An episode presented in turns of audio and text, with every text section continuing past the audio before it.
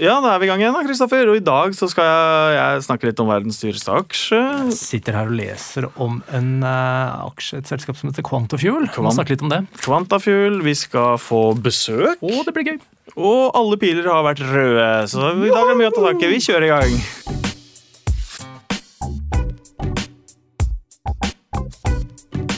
Den minste tissen på børsen. Velkommen til den fjerde episoden av eh, Den minste tissen på børsen. Og den har ikke blitt noe større. Tvert imot. Den er vel kanskje enda mindre enn noen gang. Forrige gang så snakka vi om at uh, du kvitta deg med noen aksjer, husker du det? Ja, det der var jo ikke sånn kjempesmart, kanskje. Jeg hadde XXL, som jeg øh, først hadde veldig tro på, fordi sport er jo alle liker sport. Og så kvitta jeg meg med dem, fordi de var så, jeg ble bare deprimert av at de var røde hele tida. Så tenkte jeg jeg tar det tapet, for det har jeg lært at det er, det er ålreit å ta et tap. Det er bedre det enn å, å tape mer. Og hva er den største gleden som fins, Sigurd? Skadefryd. Skadefryd. Og dagen etter? Ja, hva skjedde da, Kristoffer? da ble XXL grønn igjen. Den gikk veldig opp. Det var mange som skulle kjøpe joggesko og boblejakker. Ja, Det føltes bra for Nei, en som har ganske mange røde aksjer ellers vi har snakka før om uh, nå, er jo, nå, er ikke det her Oslo Børs, men det er da på, ute, ute i verden. Så, så har vi snakka om uh, Amazon. Ja. At det er en veldig dyr aksje. At det er dyrt å gå inn der. Den ligger vel på 3500 dollar omtrent. Mm. Og, og, da har jeg kikka litt videre, for, for hva er den dyreste aksjen man kan gå inn på? Ja, det er kult. Det er litt spennende. hva er det? Uh, jo, det er da Berkshire Hathaway Incorporated. Og de som, driver med? Uh, det er et selskap som eier masse andre selskaper. Så Det er jo Warren Buffett. Til og med jeg har hørt om Warren Buffett. Han er jo 235 år gammel og steinrik. Han er jo liksom den som alle setter høyt. Men det som er med det selskapet, det har liksom gått motsatt. Sånn som nå når Tesla og flere av de store skal splitte aksjen, sånn at flere kommer inn, ja. så kjører de motsatt stil. da. Okay. Så Warren Buffett har bare bestemt seg for at nei, det er, vil ikke at folk skal inn og tjene på kortsiktig på, på, eller på kort sikt. Han vil liksom at folk skal kjøpe og ha det, så han vil bare at de skal bli dyrere og dyrere. Ok, Hva koster en aksje nå? Du, Takk for at du spør. Det koster faktisk 327 000 dollar per aksje. Skal vi se litt så det koster jo over 3 millioner per aksje. Shit, det er jo latterlig mye. Det er, det er jævlig dyrt. Uh, til sammenligning så koster Norwegian én krone per aksje akkurat nå. Det gjorde du ikke det når du kjøpte, Kristoffer? Gjorde ikke det. uh, er, men er, på andreplass da, så er det Lint og Sprungli. Det er et sjokoladeselskap. Uh, 80 000 dollar. Ja, det er ikke gærent heller. Nei. På tredjeplass NVR Incorporated. Det er boliger og lån og noe greier. 4000 dollar. Og så på fjerdeplass er Amazon. Ja. Det ble en småtass, det der, i forhold til uh... Det er jo ingenting. Jeg, jeg, har lyst til å prate litt om en aksje som har vært uh, litt oppe i dagen nå siste uka. Ja. Den derre Quantafuel. Kort fortalt, det er et selskap som skal resirkulere plast. Okay. Og det, det, er det ikke alene om å gjøre. Det er det mange som driver med. Ja, For mange gjør det? Ja, mange gjør det. Men de mener å ha en teknologi som gjør at de kan ta, steg, ta dette her et steg videre. Eh, så den plasten de, eh, de, resirkulerer, det de sitter igjen med, er en plast som kan brukes til eh, mye mer enn den plasten man får til mekanisk. Da. Dette er en sånn kjemisk fremstilling. Okay. Og I tillegg så får de ut en gass eller olje ut av den produksjonen her, som de kan bruke til drivstoff. I hvert fall denne aksjen her har jo tatt helt av. Og dette her, det oppdaga jeg ganske tidlig denne uka her, at dette hadde jeg lyst til å lese litt mer om. Ja. Og jeg fikk lyst til å kjøpe den aksjen. Men jeg får jo ikke kjøpt, fordi at den ligger på Mercur Markets, og det har ikke jeg tilgang til. Det er, det er, som Carbon Capture og vindselskapet vårt der. Ja, men det er det jeg ikke fatter, for de har jo jeg De kommer jo opp i den der porteføljen min. På aksjesparekontoen din? Ja, eller i hvert fall de står der Jeg veit ikke helt hvor de ligger, men de står i hvert fall i samme lista som alle de andre aksjene mine. Inne på datamaskina. Så jeg tenker at ja, da må jeg også kunne kjøpe denne her Quantafuel-aksjen. Ja. Men det får jeg ikke tilgang til. Det går ikke? Nei, og det irriterer meg. Mens jeg da irriterer meg over det, så ser jeg da denne bare stige og stige. stige over. Ja, selvfølgelig. Uh, det med Merkur Markets, for, for den Carbon, Aker Carbon Capture og det vindselskapet, som har så langt navn at vi bare sier vindselskapet, det uh, hos meg, eller De er jo registrert på, på Merkur Market. Mm. Og hos meg så ble det, det kom i en aksjefondskonto. Altså, Jeg veit ikke hvor de der eh, ligger hen hos meg. altså. Så du har ikke fått kjøpt det? Nei, jeg har Så, ikke fått kjøpt kjøpt i det hele tatt. så du ble ikke med på raketten? Nei, jeg har ikke blitt med på noen rakett i det hele Du står på bakken og, sammen med meg og ser på Kongsberg uh, Automotive. Men eh, jeg tipper at den vil falle igjen, jeg, altså. Ja da, når du kommer deg inn, så gjør den det. Det er en veldig spesiell ting som skjer i dag. Det er det. Vi har besøk av Ole Marius Lauritzen. Hei, som- Ole. Hei, hei. Hei. Hyggelig å være her. Veldig hyggelig at du kunne komme. Du, du er i Equity and Bond Sales i Handelsbanken. Det er riktig. Og i og med at det her er en sånn podkast for folk som, som ikke akkurat uh, kan veldig mye om det her, så eh, hva er Equity and Bond Sales? Eller hva betyr det? Hva, hva, hva gjør du? Equity det er egenkapital, altså aksjer. Og bonds det er obligasjoner, så det er gjeldssiden. Ah, ok. Så Så du er en aksjemegler? jeg er en aksjemegler. Ah, det er jo helt perfekt. Grunnleggende. Hva er en aksje? En aksje er en eierandel i et uh, selskap. Og hvorfor i det hele tatt har vi aksjer?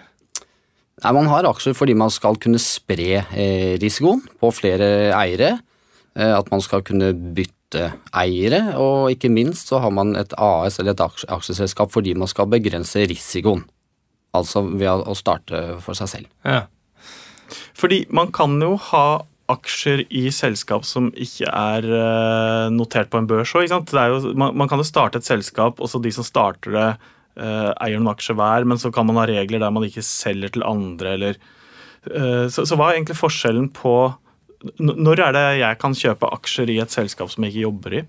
Nei, det, det er egentlig ikke noen begrensninger på det. Eh, Det som er forskjellen, er at børsnoterte aksjer handles på et regulert sted. Det er nærmest som en butikk som du går til, og der finner du et stort utvalg av aksjer.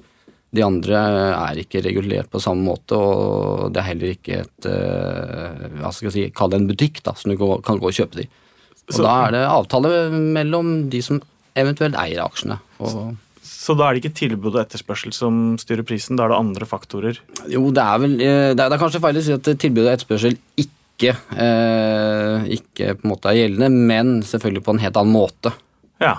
Så på, på børs så har man på de aller fleste aksjer veldig mange kjøpere og selgere, noe som gjør at man på føler seg trygg og er enig om hva prisen skal være.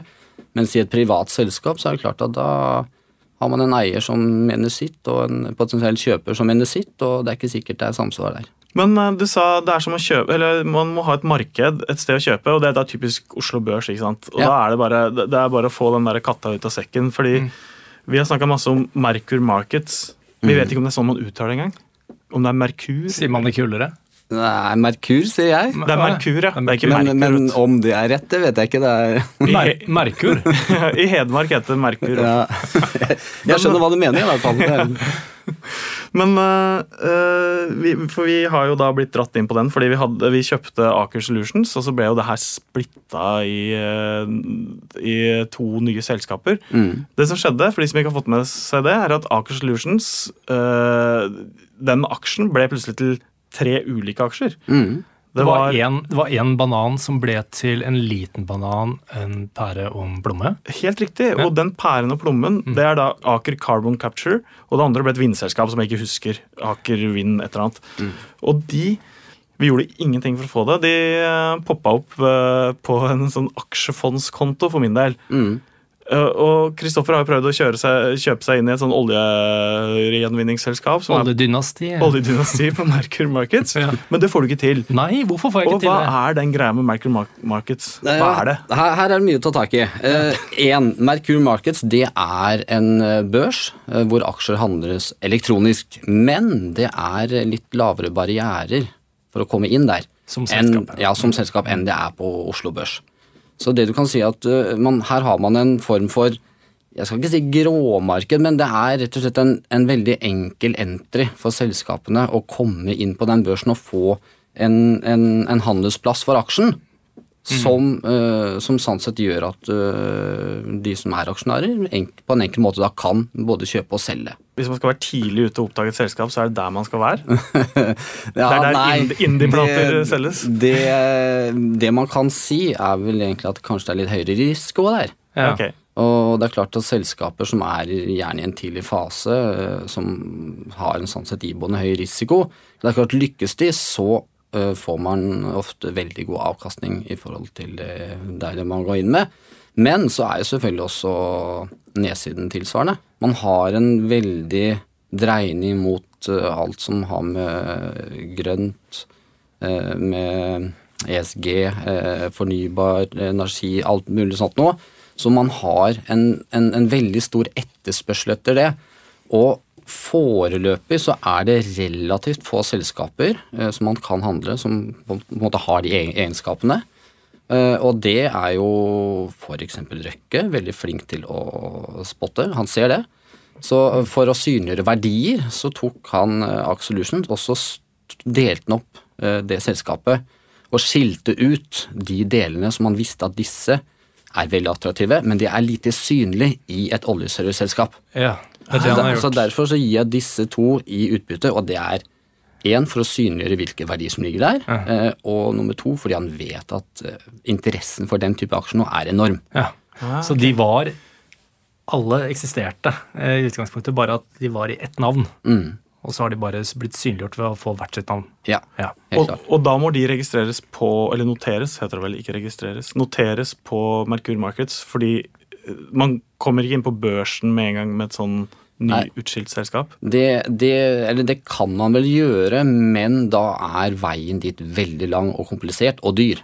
Ja. Så sånn sett så er det veldig mye enklere å egentlig gå til Merkur Markets som et sånn type forrom til børsen, da.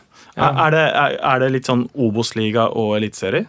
Er det, er, går man inn i Obos-ligaen, så vil man rykke opp? Eh, ja, eller akkurat det bestemmer de jo faktisk selv, hva, hva de ønsker å gjøre. Men eh, det er eh, Ja, det kan være et godt bilde på det. Altså. Det, det kan det være. Men hvis du da er på Sånn som nå, da, når vi er eh, tungt inne i eh, Aker Carbon Capture, f.eks. Hvis, hvis det da går fra Merkur Markets og blir notert på Oslo Børs, vil man da få en automatisk verdistigning? Er det en sånn Da vil flere inn, eller får man en annen tyngde? Eh, Nei, det er definitivt ikke noe automatikk i det, men det er flere potensielle investorer man treffer på hovedlisten eller på Oslo Børs da, enn på Merkur Markets. Ja. Det er det. Så, Og så var, de det jo inne på litt av eh, kall det egenskapene på børsen også, fordi veldig mange som handler aksjer i dag, handler jo aksjer på en aksjesparekonto. Det Ja. gjør man jo av skattemessige årsaker.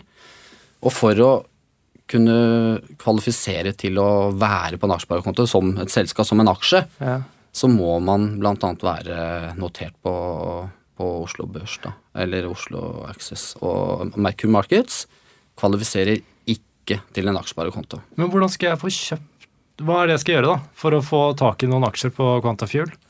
Da må du ha en handelskonto som ikke ligger under aksjesparekontoen. Og det kan jeg fikse gjennom banken min, eller? Det kan banken fikse. er da aksjefondskonto er det da det du kalte en handelskonto? Er det Det, en aksjefondskonto? ja, for, for, for, for å ta det et lite steg tilbake, så kan du si at man har Vi skal mange steg tilbake.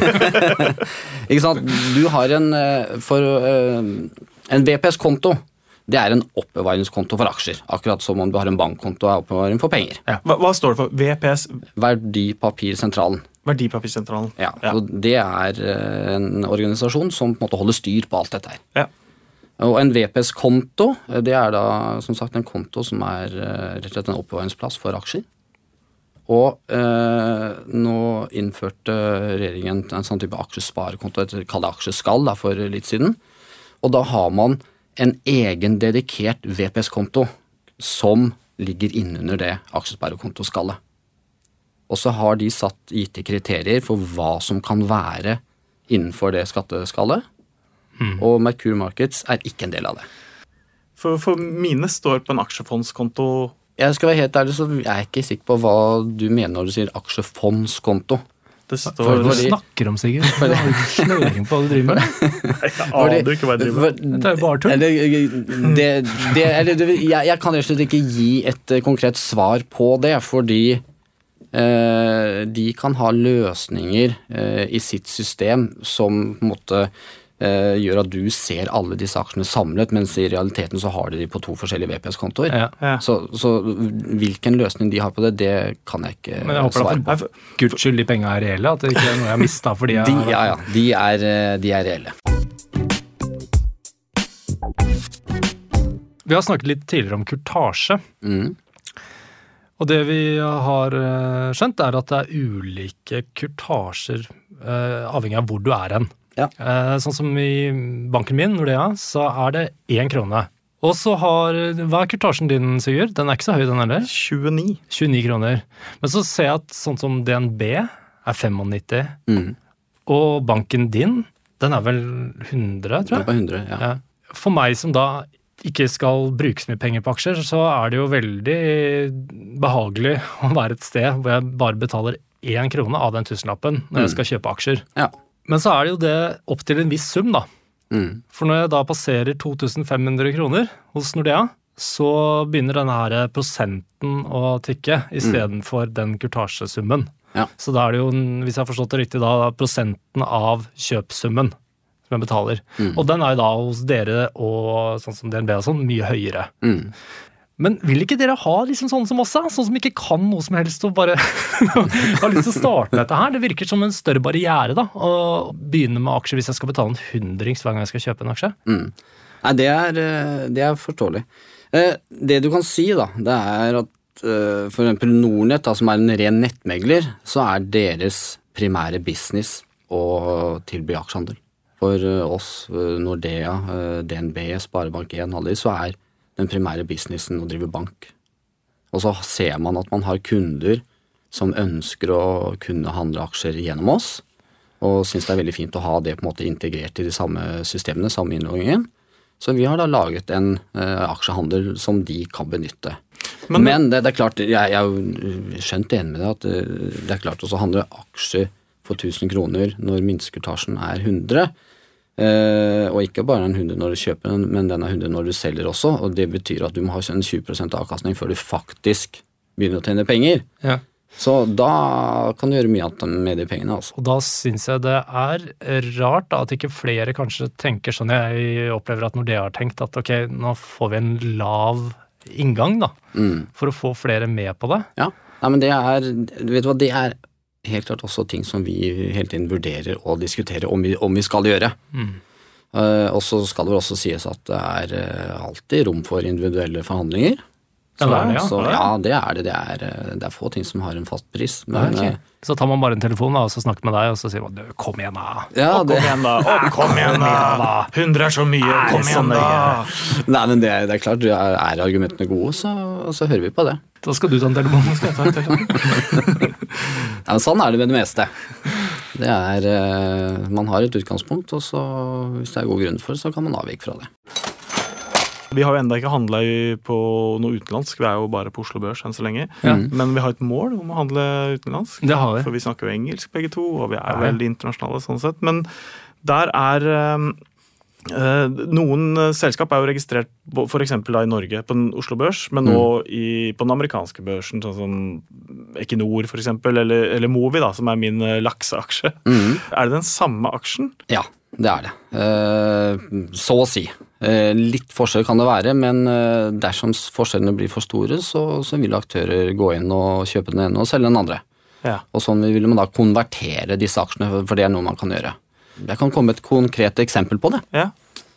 Når eh, finanskrisen uh, utfoldet seg på sitt aller verste, så hadde jeg gått hjem fra jobb. Så hadde jeg en eh, kunde som ble veldig nervøs. Så han ringte meg på kvelden og sa at eh, jeg vil ut av mine aksjer i Equinor eller Statoil, som det het da. Og da solgte jeg eh, aksjer i USA, selv om han hadde i anførstegn de norske aksjene. Og så måtte vi da konvertere disse aksjene til norske aksjer. Det vil si at det er en liten kostnad da, med å så på en måte kalle flytte aksjene. Men sånn i utgangspunktet så er det én pott aksjer på den amerikanske børsen og én pott på den eh, norske, helt til man eventuelt konverterer den Ja. Okay, ja, Men, men den, den konverteringen kan på en måte skje kontinuerlig. ja. Men så da børsen åpner i Norge klokka ni om morgenen, så er de solgt, da. Da er de solgt ja. Ja.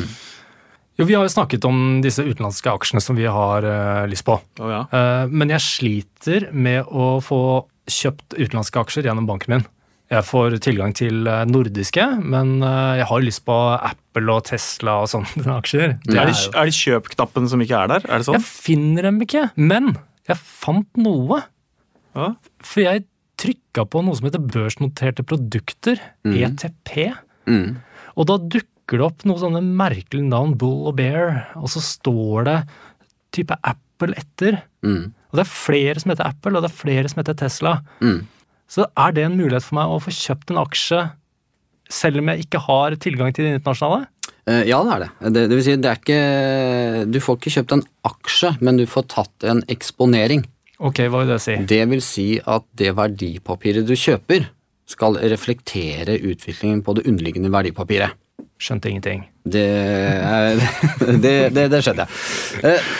For, for, for å begynne med det å handle en utenlandsaksje. Fordi du som en norsk statsborger eh, har litt vanskelig med å stå som eier av en amerikansk aksje.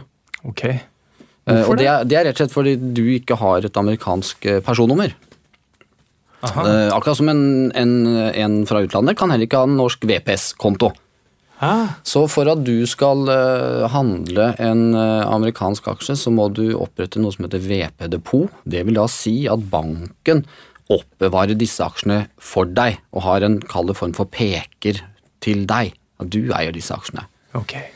Og i tillegg til det så, så, så, så er det litt mer sånn komplisert, litt mer kompleks, fordi for det første du får på en eh, valutaeksponering. Hvis du kjøper en aksje i USA, så må du også kjøpe dollar for å gjøre opp den transaksjonen. Du kjøper jo ikke det, men banken gjør det for deg. Og det er klart at eh, hvis en aksje stiger og valutaen går motsatt vei, så kan en, en eksponering som du i utgangspunktet var veldig fornøyd med, og du traff på det du ønsket å gjøre, bli ødelagt av en valutakurs som går motsatt vei. Ja. Så det er egentlig flere elementer å tenke, tenke på der. Og så ser man jo at interessen for eksponering mot eh, spesielt amerikanske børser og aksjer er veldig stor. Og da har man begynt å lage eh, slike ETP-er, dvs. Si børshandlede produkter, som har en underliggende som du får en eksponering mot. Det vil da si at hvis du har eh, Eller vi må begynne med bull og bær, Ja. Og det har vi vært innom tidligere. Mm. Bull, da er man på en måte positiv, og ber, da er man negativ. Det vil si at hvis du går inn og har en lyst på eksponering mot Apple, og du finner et produkt som heter Bull ganger 1 Apple, så betyr det at man er positiv, det vil si man eh, har en positiv tilting mot eh, eksponeringen. Eh, Apple stiger 1% så stiger også det produktet 1 ja, ok, så det blir en speiling. ja, det, det blir en speiling. Men så har du også det som heter uh, bull Apple ganger to. Det vil si at da får du togangeren. Så hvis Apple stiger 1% så stiger det produktet 2% Eller Eller tape. Ja, og minus, selvfølgelig. Ja. Så dersom, eh, dersom du er utgangspunktet bull til Apple, dvs. Si at du forventer at den aksjen skal stige, og du har veldig tro på det, så kan det godt hende at du ønsker å kjøpe bull Apple ganger fem. Det vil si hvis Apple stiger 1% den dagen, så stiger det produktet du kjøpte 5% Femgangeren, ikke sant? Men selvfølgelig da med motsatt fortegn, hvis det stikk motsatte skjer, så vil du jo tape femgangeren. Men dette høres jo mer og mer ut som oddsen, spør du? Det er veldig som oddsen, og jeg tenkte på det i stad. Det høres litt ut som et tippelag òg. Mm. At man går inn sammen med andre, og, i hvert fall når du ikke får kjøpt de aksja sjøl. At det er en del sånn forpliktelser rundt det. Men i tillegg så fikk du på den der odds-faktoren her, da, med, som ganger opp eh, både opp og ned.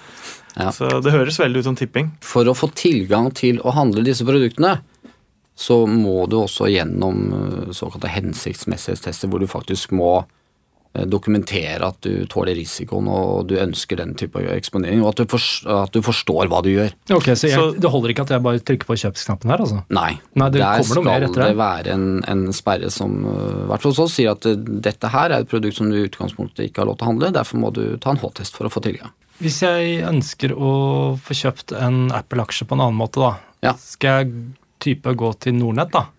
Da kan du for eksempel gå til Nordnett, og så, opprett, eller så, så vil du ta, opprette det formelle som må på plass for å få lov til det, og så kan du handle en aksje i Apple. Ja. Er det noe merkostnad rundt det? Er det dyrere å kjøpe på den amerikanske Altså, den valutaendringen skjønner jeg på en måte, men er det liksom en helt annen kurtasje eller helt annen Stort sett, påslag? så, stort sett så ligger det litt eh, over på kurtasjen eller utenlandske aksjer.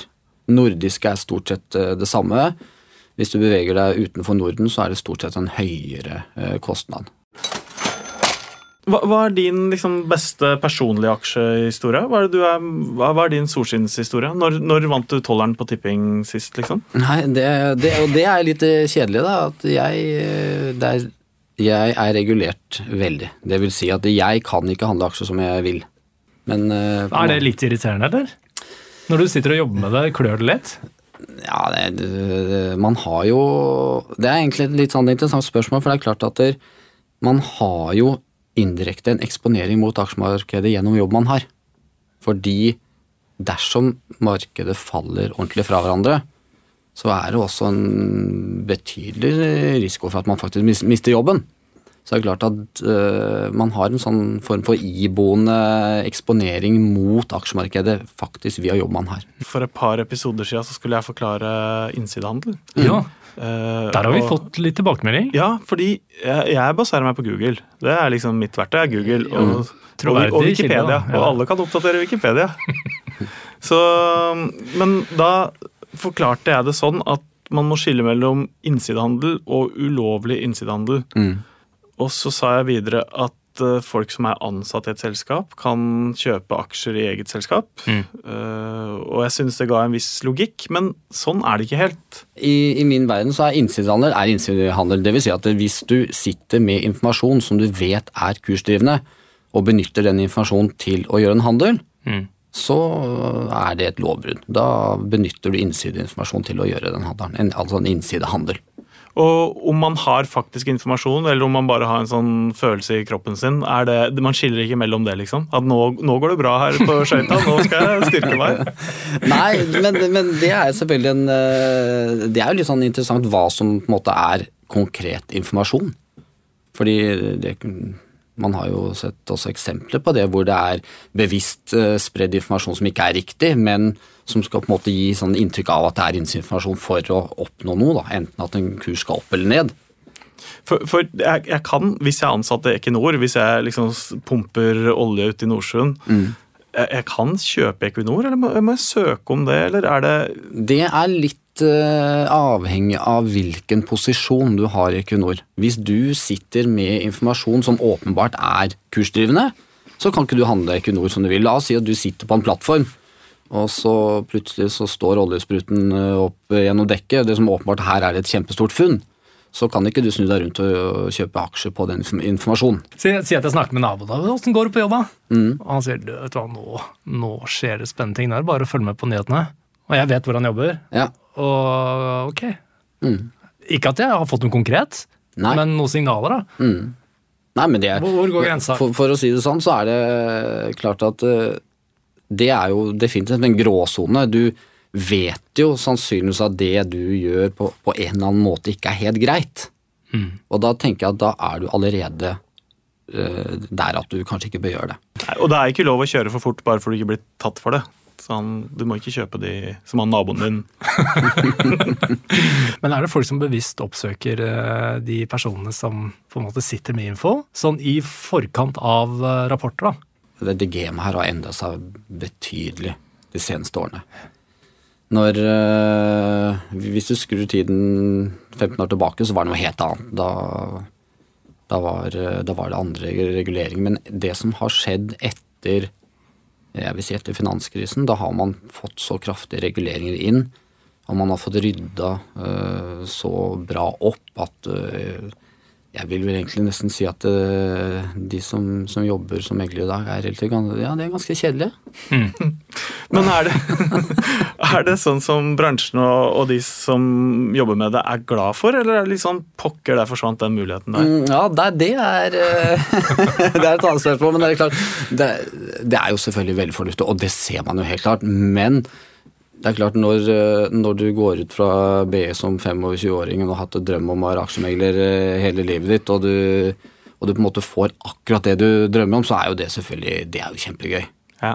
Eh, og så etter hvert som man eh, vokser til, så er det jo ja, Jeg må jo si at det, det har utviklet seg til det bedre.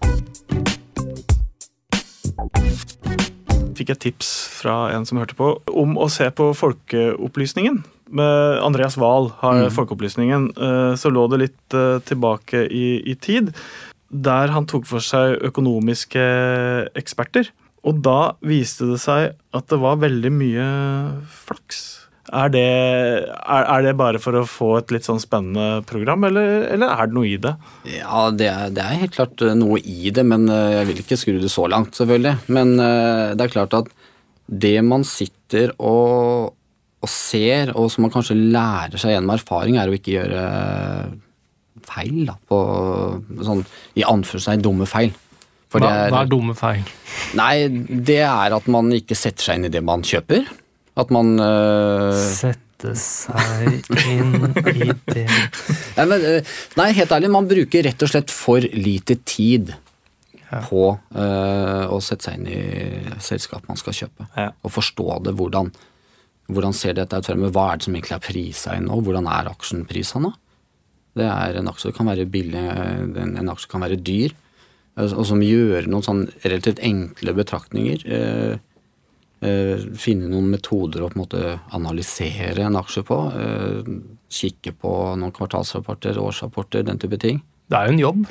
Ja, Man graver seg mer ned i noe som er enormt, da.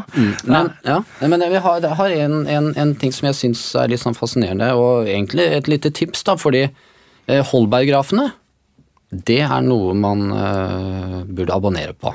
Holberg-grafene? Holberg-grafene, det er, det er kjempe, kjempemessig, det er interessant, det er litt sånn morsomt, og det er veldig lærerikt. Og de har en graf der som jeg er veldig fan av. Du, du har jo sentralbanken i USA, Fed. De skal sette styringsrenta i USA. Og hver gang de setter styringsrenta, så tegner de også en linje for å på en måte predikere utviklingen av, øh, av, øh, av renta. Ja. Og hvis man ser på hva de predikerer, og hva som faktisk skjer, Mm. så bommer de jo mer eller mindre konsekvent. Og det er klart at det, det er ingen som sitter med mer informasjon enn Fed. Og på tross av all den informasjonen de sitter med, så tar de allikevel feil hele tiden. Er ikke det bare å ta motet fra alle? Ja, eller det, det, det, det, det sier jo i hvert fall at de vet veldig litt om fremtiden, de også. Mm. Ja, ja. For det er jo sånn med alt. Altså, du kan jo se fotball døgnet rundt, men du, du klarer ikke å tippe alle de kampene som kommer eh, riktig hver gang uansett. Det er liksom tilfeldighetsfaktorer og ytre omstendigheter, og det er jo Litt flaks må man jo ha. Men du hadde en annen graf som du viste rett før vi begynte å snakke i stad, som eh, Ja, det, det, er, det, er, faktisk den grafen jeg- som jeg, som, som jeg veldig ofte bruker når jeg begynner, hvis jeg skal måtte holde et lite foredrag eller snakke med noen, noen kunder osv. Fordi det er da eh, den virkelig lange grafen på SMP 500, altså den brede, store indeksen i USA, og det er 100 års historikk. Og de første, ja, første 80 årene så er den egentlig paddeflatt. Selvfølgelig ser det sånn ut på, på, på grunn av eh, utviklingen de seneste årene. Og så har du en eh, sånn ordentlig, ordentlig spike rundt uh, tusenårsskiftet. Det er jo da .com. Ja, den går opp som et fjell, Den liksom. går opp som et fjell, og så kommer den like fort ned igjen. Og så har du ny, eh, et nytt tilsvarende fjell eh, under finanskrisen. Og nå har du, har du på en måte et fjell som, eh, som gjør at de to foregående fjellene ser eh, bitte, bitte små ut. Og det jeg syns er fascinerende med det, er den psykologien som preger dette her. Fordi hele bakgrunnen for deres podkast er jo at dere fant ut at nå skal vi begynne å handle aksjer. Og spørsmålet er sånn, hvorfor skal dere begynne med det nå? Nå har man på en måte hatt en finanskrise. I etterkant av finanskrisen så har man hatt en rekordlang oppgang på børsen. eh, 11-12 år. Og det som er veldig typisk, er at på slutten av en sånn oppgang så kommer som den store, brede interessen. Og det er på en måte den veldig ofte da, den siste, siste Det er tegn på at nå er det lite er det er helt på toppen.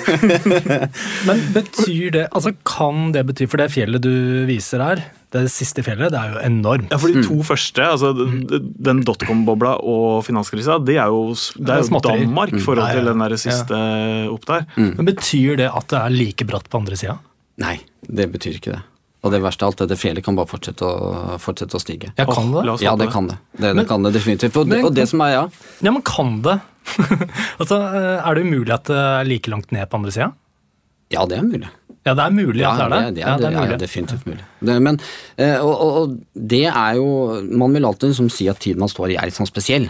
Men nå, nå er det mye, mye spesielle ting. Jeg er litt sånn begeistra for utbytteaksjer. Mm. Vil det bli mindre utbytte i år som følge av den covid-19? Ja. covid-19? Det, det vil det bli. Eh, Det, det er jo det er for så vidt todelt. Det ene er jo at eh, en del selskaper har selvfølgelig fått reelle utfordringer og høyere kostnader relatert til det. Men så er det også fra myndighetenes side gitt beskjed om at holder igjen litt nå i forhold til å være godt rusta dersom det blir verre. Men det neste spørsmålet da er jo selvfølgelig vil det da bli dobbelt utbytte neste år for eh, selskaper som har kommet seg greit gjennom det? eller? Ja, det kan det fort bli dersom man får, har uh, fått en normalisert situasjon og man føler at ting har uh, under kontroll. Da. Men nå må du ikke glemme at vi står på toppen av det fjellet.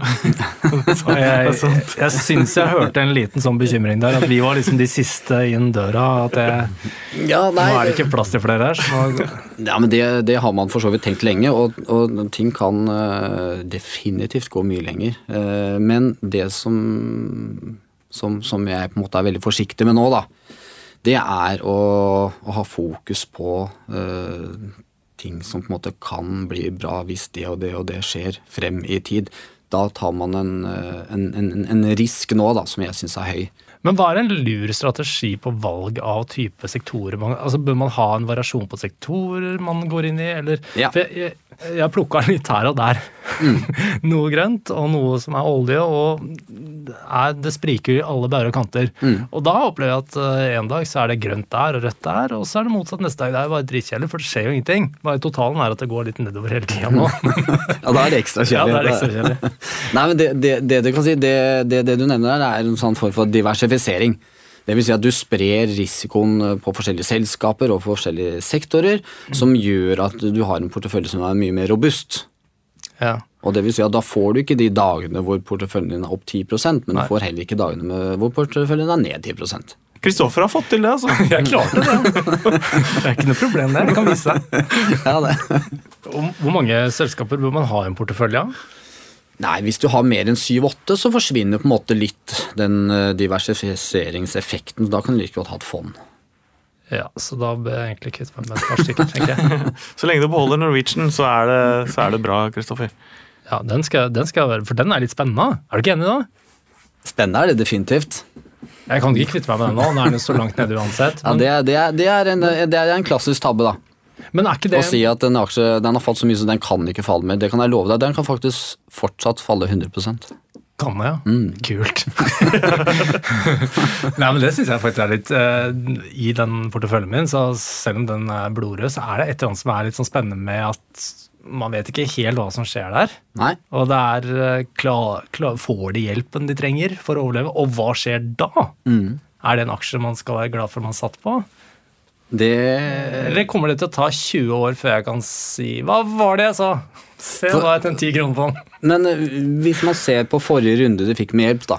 Ja. eh, Det er jo åpenbart De har jo altfor mye gjeld i forhold til eh, den businessen de har nå, til den egenkapitalen de har. Ja. Og, og det som skjedde nå, var jo at de fikk jo konvertert en del eh, eller gjeld til egenkapital. Noe som jo gjorde at eksisterende aksjonærer ble vanna fullstendig ut. Og det er ikke noen grunn til å tro at noe annet skal skje ved en eventuell ny runde. Børskommentatorer sier liksom at børsen selvfølgelig går ned om høsten. Eh, Det er visst et uttrykk. Jeg har ikke fått det med meg, men, men eh, det er noe han har lagt merke til. At man bare tar som en sånn selvfølgelighet at på, på høsten skal det ned. Mm. Er det sant? Eh, Går det sånn? Nei. Hvis det hadde vært opplest og vedtatt at eh, børsen falt på høsten, så hadde jo alle solgt før høsten kom, og så hadde man kjøpt når høsten var ferdig. Jeg leste at eh, laks skal nå få seg en liten dupp på høsten, Sigurd. Det vet man allerede. Og At det- den dupper? Nei, ikke at aksjene dupper, men at eh, prisen på laks uh, dupper. Ja, det, det er jo sånn Det er ganske vanlig. Men uh, da har jo aksjemarkedet veldig ofte en sånn tendens til å prise inn det, fordi man priser inn fremtiden, og hvis man vet at eh, hvis man vet at lakseprisene kommer til å falle litt på, ut på høsten, så sitter man ikke og venter med å selge aksjer til lakseprisene, lakseprisene faktisk faller. Nei. Så, men hvis man da har lyst til å sitte på aksjer over tid, da, så er det ikke noe Man kaster det ikke, og så kjøper det igjen uh, litt på andre sida, liksom. Da må man heller investere litt da, når det går litt ned. Ja. Så hvis man skal bygge seg opp inn, eller styrke portefølja på laks, da Mm. er det høsten et fint, fint tidspunkt. Det kan det, kan det være. Eller ja. hvis det kommer korreksjoner. Det var jo mange av oppdrettsselskapene som fikk litt juling i forbindelse med kvartalsresultatene nå. Eh, Og det ser i hvert fall foreløpig ut til å være en øh, til at det var en ganske god inngang, da. Ja. Så, Du, Tusen takk for at du eh, gadd å komme og ta en liten prat med oss. jo, nei, det var veldig hyggelig. Jeg sitter jo egentlig og føler at vi har fortsatt veldig mye å prate om. Ja, så det føler jeg òg. Jeg lurer på Det, Vi det er nesten gjenta- sånn hvert svar skaper to nye spørsmål. Så vi har mye som skal snakkes om. Men kan vi ikke se snart igjen, da? det høres ut som en god plan. Supert. Ja, da har vi jo lært eh, en god del i dag, da. Da har vi lært masse, men det skulle man ikke tro ut fra de resultatene på aksjene våre. Ja, hvordan går det? Nei, det går jo som det alltid gjør. Det går jo litt nedover. Eh, per nå så er det røde tall. Jeg har nå tapt 350 kroner. Jeg husker ikke hva det var sist, men det var vel omtrent der det lå, tenker jeg. Det går nedover, med andre ord. Ja, det går nedover. Ja. Men det var en dag midt inni her som var kjempegrønn. Alle piler til værs. Det var veldig hyggelig. Da var jeg blid, og da tror jeg at jeg var ålreit å være i hus med. Og så har det gått rødt etter det, altså. Ja, det har gått rødt her også, bortsett fra i dag, som ser litt bedre ut. Jeg har tatt meg inn litt grann siden sist. Ja, Så det er 200 opp siden sist, men jeg ligger jo 3500 ned. ja det er jo Men uh, Movi, Movi grønn.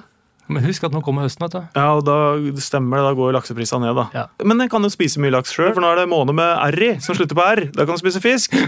Har jeg lært. Er det sånn det er? Ja. Ja, okay. Skal jeg holde deg unna i mai, juni og juli. Hold deg unna. August, hold deg unna. Så begynner det. September, oktober, november. Jeg skal spise sportsutstyr, jeg. da. Jeg er det sportsutstyret, jeg.